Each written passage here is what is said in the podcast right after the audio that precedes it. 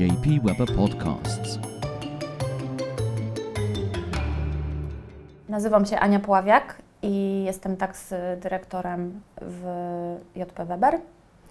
I odpowiadam za dział pomocy publicznej. Po roku pandemii przedsiębiorcy zastanawiają się, co dalej, jak dalej funkcjonować, i oczywiście potrzebne są pieniądze. Pieniądze potrzebne są zawsze, ale w bardzo wielu branżach w tej chwili szczególnie. I tu pojawiają się takie niemalże magiczne zaklęcia. Pomoc publiczna, grant. Co to jest? Jest to rodzaj wsparcia, ale nie jedyny. Grant jest to rodzaj pomocy publicznej, ale ta pomoc publiczna zawiera szereg instrumentów, na które można spojrzeć. Jak się planuje przede wszystkim rozwój lub zmianę jakąś w przedsiębiorstwie, w działalności. Grant to jest, mówiąc krótko, najprościej, gotówka. Gotówka do ręki na realizację jakiegoś pomysłu inwestycyjnego czy badawczo-rozwojowego, ale oprócz y, grantów, czyli tej gotówki, może być również pomoc y, w formie oszczędności, czyli zatrzymania tej gotówki w firmie, polegająca na tym, e, że na przykład mm, można otrzymać prawo do zwolnienia podatkowego z podatku dochodowego, z podatku od nieruchomości. To są takie dwa sztandarowe typy. Czym się kierować, podejmując początkową decyzję, czego szukamy? Czy to jest zwolnienie podatkowe, czy to jest kredyt inwestycyjny, czy to jest grant?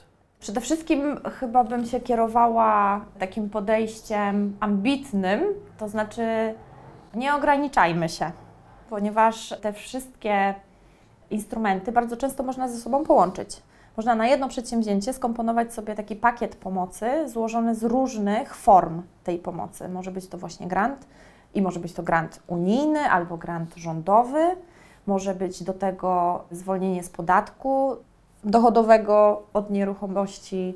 I to wszystko w ramach jednego limitu, który przysługuje danemu przedsiębiorcy w danym regionie na daną inwestycję. Ale można sobie komponować skład tego limitu właśnie w pewien sposób, ma pewną elastyczność. Ale używa Pani słów kluczowych. W pewien sposób, komponować. Świetnie, ale jestem przedsiębiorcą, mhm.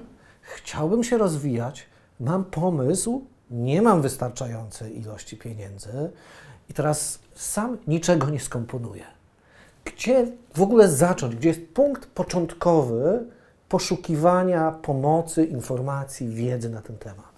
Bardzo często my jesteśmy tym punktem początkowym, my doradcy. I kiedy przychodzi do nas klient e, właśnie z takim pomysłem lub nawet wprost zapotrzebowaniem na środki na rozwój, to w pierwszej kolejności patrzymy na sam pomysł, patrzymy na to, gdzie ten pomysł ma być realizowany, bo to w jakim województwie, a nawet czasem w jakim powiecie ma być dana inwestycja, to determinuje, jakie źródło jest dostępne pomocy i jego wysokość. W następnej kolejności patrzymy też na samego przedsiębiorcę i jego kategorie, bo tutaj jest kolejne pewnie takie hasło klucz to będzie status MŚP, czyli małe średnie przedsiębiorstwo versus duże przedsiębiorstwo. Im mniejsze, zasada jest taka, im mniejsze, tym więcej pomocy może uzyskać przedsiębiorca, a nawet bym powiedziała, że więcej e, instrumentów jest stworzonych, bo bardzo często istnieją formy pomocy, które są dostępne tylko jeśli się ma status MŚP, albo można dostać właśnie dodatkowe punkty przy przyznawaniu tej pomocy za to, że ma się ten status. Chodzi o to, żeby pomagać tym mniejszym, bo im jest trochę trudniej jednak niż tym olbrzymim. To trudniej to jest w dużej mierze na dzień dobry straszna obawa przed kontaktem z biurokracją, obawa przed zalaniem papierami e, z urzędu skarbowego albo wystarczy wejść na jakąś platformę unijną i zobaczyć te niekończące się strony tabelek, PDF-ów, wymagań. To jest tylko pierwsze wrażenie, czy to naprawdę jest tak straszne, jak wygląda? To jest tak skomplikowane, jak wygląda, ale nie jest takie straszne, szczególnie jeżeli ktoś się tym już zajmuje od wielu lat. Ja też często powtarzam, że Naszą rolą jako doradcy nie jest zrobienie operacji na otwartym sercu, bo to trzeba naprawdę mieć już wybitne kwalifikacje i pewność cięcia i naprawdę takie instrumentarium duże. Więc nie jest to coś porównywalnego y, z inżynierią kosmiczną, natomiast to jest bardzo dużo czasu, dużo pewnej biegłości w posługiwaniu się też tymi narzędziami, które służą do tego, żeby ubiegać się o tą pomoc, następnie ją rozliczyć, czyli de facto ją otrzymać, bo to też musimy rozróżnić. I to jest ta biurokracja, która przeraża na początku, to jest sam proces aplikowania, ubiegania się o pomoc. I on rzeczywiście może być taki, no troszeczkę przerażający. Nie chcę straszyć, tylko tak naprawdę zabawa zaczyna się od tego punktu, kiedy jest pozytywna decyzja i przyznanie tej pomocy, bo przyznanie to nie jest wypłata. Przyznanie to jest takie zakontraktowanie się obu stron, że o ile ty spełnisz te wszystkie kryteria, te wszystkie warunki, które tutaj opisałeś w projekcie, to my ci to potem wypłacimy. Czyli wypłata jest z dołu, nie z góry, a może w transzach? Bo jeżeli ja potrzebuję pieniędzy, żeby rozwinąć się, to muszę wziąć kredyt z banku, żeby potem spłacić go grantem? Jak to działa? Jest to y, wypłacane na zasadzie refundacji i stopniowo, w miarę postępu prac. Jest też forma zaliczkowa, można się o nią starać. Nie w każdym oczywiście instrumencie, bo teraz mówimy trochę o dotacjach, tak? No bo jakby każdy instrument ma też swoje y, bardzo szczegółowe y, warunki i specyfikę. Pewnie nie tylko każdy instrument, ale też każdy instrument i każda organizacja, która go Tak, obsługuje. tak, każda instytucja, no, a nawet powiem więcej, w ramach tego samego instrumentu i tej samej instytucji konkursy kolejne, takie kolejne odsłony, czyli nabory wniosków, często różnią się, jeśli chodzi o, o zasady, oceny, sposób przeprowadzenia. Dużo jest takich punktów, które trzeba połapać i jakby mieć pod kontrolą i zarządzać. I to jest coś, na co często przedsiębiorca po prostu nie ma czasu, bo on jest zajęty tym, żeby się zająć biznesem. I wtedy jakby wchodzimy my. No właśnie tu jest ta różnica zabawy i w rozumieniu zabawy, o której Pani powiedziała, bo dla mnie jako dla przedsiębiorcy zabawa zaczyna się wtedy, kiedy zaczynam coś tworzyć, rozwijać swój biznes, realizować swój plan. Niekoniecznie tą świetną zabawą jest aplikowanie na początku i rozliczanie tego wszystkiego. W związku z tym Państwo tutaj wkraczacie, żeby umożliwić mi tę zabawę, czyli rozwinięcie swojego biznesu, ale przecież to jest Wasza praca. W związku z tym to są koszty. Jak to też działa? To znaczy, to jest grant, który, czy to jest pomoc, która pokrywa również Państwa usługi? Państwo otrzymujecie procent od tego, co uzyskamy w naszym tutaj już partnerskim układzie.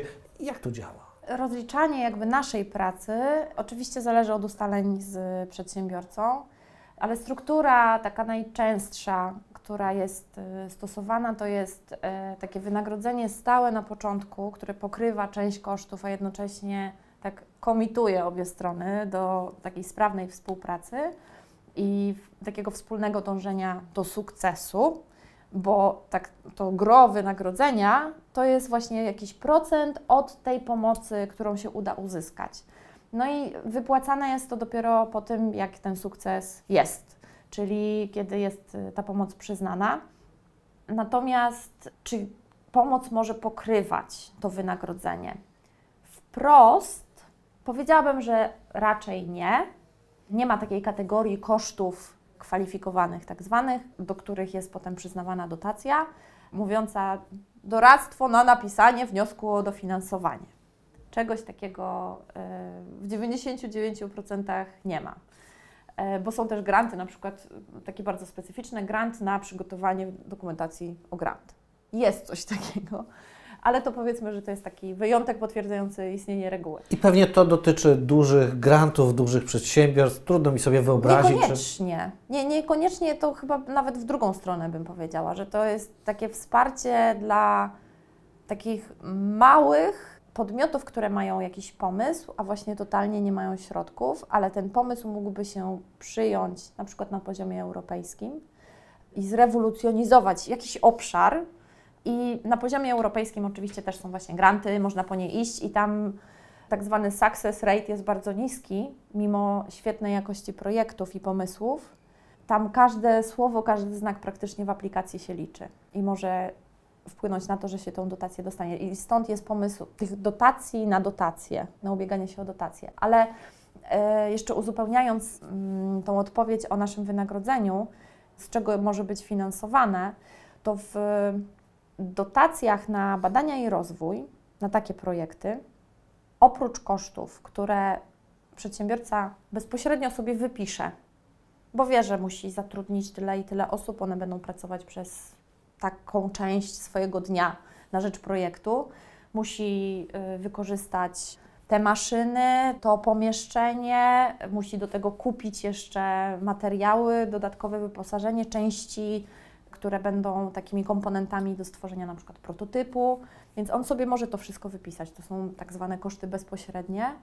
Wie, że musi skorzystać z pomocy zewnętrznej, bo nie wiem, jakieś specjalistyczne laboratorium, na przykład jakąś, jakieś badania musi wykonać, więc to też sobie dopisuje. I instytucje przyjmują, że oprócz tego wszystkiego są jeszcze takie koszty dodatkowe dookoła, które się ponosi tak czy siak.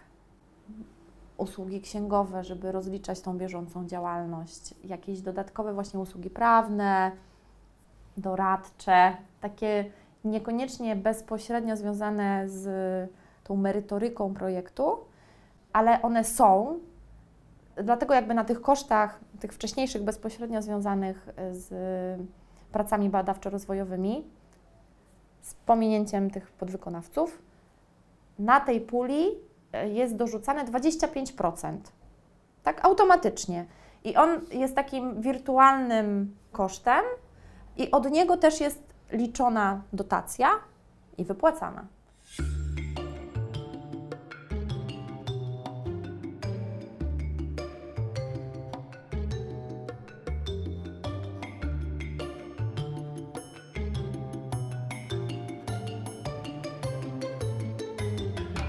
Pójdźmy krok dalej.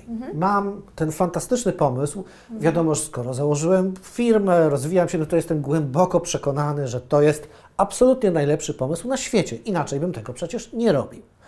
Udało mi się Państwa przekonać. Z Państwa pomocą przekonaliśmy instytucję, która wesprze. Podpisujemy umowę. I co się dzieje dalej? I dalej zaczynamy realizować ten projekt i dokumentować tą realizację w zgodzie ze wszystkimi wymogami i prezentować sukcesywnie i regularnie te wszystkie koszty i prace, jakie są realizowane, do tej właśnie instytucji. I ona zatwierdza te koszty, zgadza się, widzi, że rzeczywiście wszystko idzie tak, jak miało iść oczywiście są pewne możliwe odstępstwa, no bo nigdy człowiek nie przewidzi jeden do jednego przyszłości, więc jest możliwość pewnych zmian, takich, dokonywania takich korekt i następuje sukcesywna wypłata tej dotacji. Mówimy o projektach, które są kilkumiesięczne, kilkuletnie. Jak zazwyczaj to wygląda? Zazwyczaj to są projekty przekraczające rok, tak mniej więcej rok do trzech lat trwają te projekty badawczo-rozwojowe i inwestycyjne. To jest taka średnia. W ciągu 30-36 miesięcy dużo może się wydarzyć.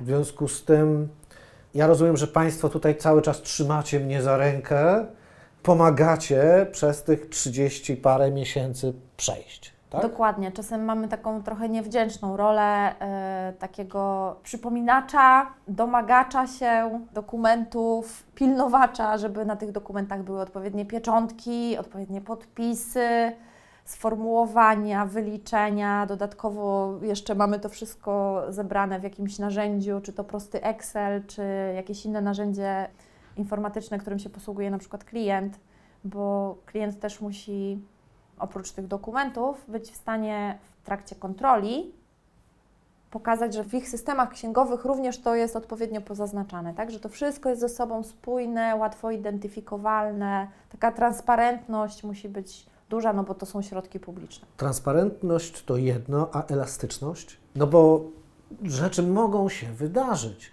Może się okazać, że projekt składa się z kilku działań, jedno jest lepsze niż drugie, w związku z tym fajnie by było część pieniędzy przesunąć z jednej kubki na drugą, coś nie wyszło. Jak wygląda kwestia elastyczności już w trakcie realizacji? Ona jest. To jest y, najlepsza wiadomość. Przede wszystkim jest ta elastyczność y, i takie realne spojrzenie na, na tą całą sytuację. Są przewidziane już w umowie o dofinansowanie pewne takie marginesy, pole manewru, że tak powiem, i one są zwymiarowane. Jest powiedziane, że na przykład można dokonać przesunięć, ale nie więcej niż ileś procent danej kategorii, albo e, na przykład, że do iluś procent danej kategorii można przesuwać tylko informując o tym, a powyżej to już na przykład trzeba to zgłosić przed i czekać na decyzję, zgodę na to przesunięcie. Można dokonywać zmian. Oczywiście już na etapie właśnie aplikowania. Ocena takiego projektu obejmuje także sprawdzenie, czy taki przedsiębiorca przewidział wszystkie rzeczy, które da się przewidzieć. I tam jest i analiza ryzyka, która polega nie tylko na tym, że zidentyfikowane są potencjalne sytuacje, które mogą nas spotkać, jakieś trudności, ale też od razu taki plan zadziałania. Czyli jak chcemy tym ryzykiem zarządzić, jakie mamy plan B i C w razie czego. I kompletem informacji, nie tylko samym takim biznesplanem, ale też właśnie tą przewidywalnością i tym, jak projekt jest przemyślany, tym się przekonuje instytucję do tego, żeby przyznała ten grant. Czy za każdym razem dostajemy tyle pieniędzy, o ile prosimy? Czy może grantodawca stwierdzić, chwilę, chwilę, damy Wam 70%. I co wtedy? I tak, i nie. w praktyce wygląda to w ten sposób. E, są określone limity, o których mówiłam e, na początku, e, zależne od tego, gdzie jest projekt, gdzie jest przedsiębiorca, jakiej wielkości jest przedsiębiorca, jakiego rodzaju jest to projekt. I tam są limity, co oznacza, że można dostać do tylu i tylu procent. W praktyce wygląda to tak, że dostaje się dokładnie to do. Natomiast jeżeli instytucja uważa, że ten projekt powinien dostać mniej środków, to bardziej działa na mianowniku. To znaczy ten procent, ten limit pomocy odnoszony jest do wartości kosztów kwalifikowanych projektu. Więc na przykład y, jest powiedziane, że w tym danym przypadku można dostać do 25% kosztów kwalifikowanych. No i przynosi przedsiębiorca projekt, i, który ma kosztów kwalifikowanych 100. A instytucja mówi, hmm, to byśmy musieli dać 25 pomocy. Nie, nie, nie, ten koszt mi się nie podoba, ten koszt uważamy, że jest przeszacowany, jest za wysoki. Uważamy, że ten projekt powinien się zamknąć nie w 100, a w 80. Co oznacza, że tak, dajemy Ci 25%, ale nie od 100, a od 80. Więc to w tą stronę powiedziałabym, że działa. Czy instytucja jest w stanie też, ma prawo wybrać sobie z puli działań zaproponowanych, proponuje pięć, a zaakceptowano cztery? Tak. To znaczy, proces oceny jest skonstruowany w ten sposób, że najpierw sprawdza się wszystkie wnioski, wszystkie dokumentacje, które wpłynęły pod względem formalnym. Jak y, ci, co nie spełniają, nie poprawią, to dziękujemy, odpadają już z dalszego etapu. Potem jest sprawdzane to merytorycznie, więc już wkraczają tacy eksperci od każdej dziedziny i sobie weryfikują to przez jeden ogólny y, zestaw kryteriów oceny. Więc każdy z tych ekspertów ma, sprawdza projekt według tego samego zestawu i przyznają punkty. Przyznają punkty od do, no i oczywiście muszą to uzasadnić. I potem na sam koniec zlicza się te punkty i układa się ranking tych projektów i konfrontuje się go z budżetem danego konkursu, programu.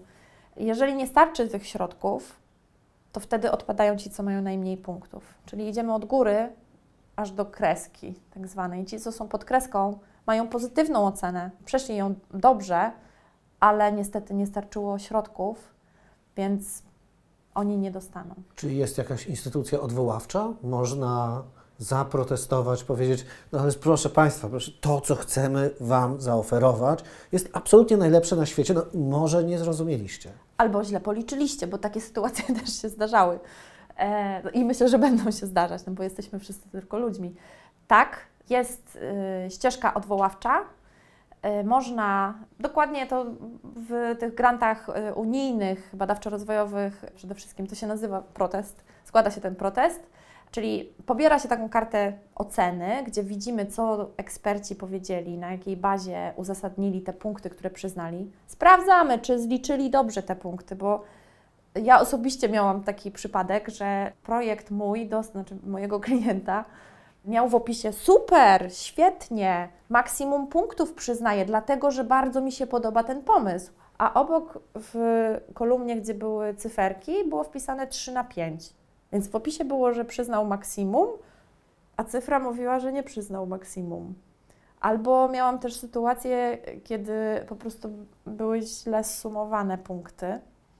Były przyznane powiedzmy 20, a pod spodem było napisane, że jest 18 tylko. A ta kreska odcinająca była na 19.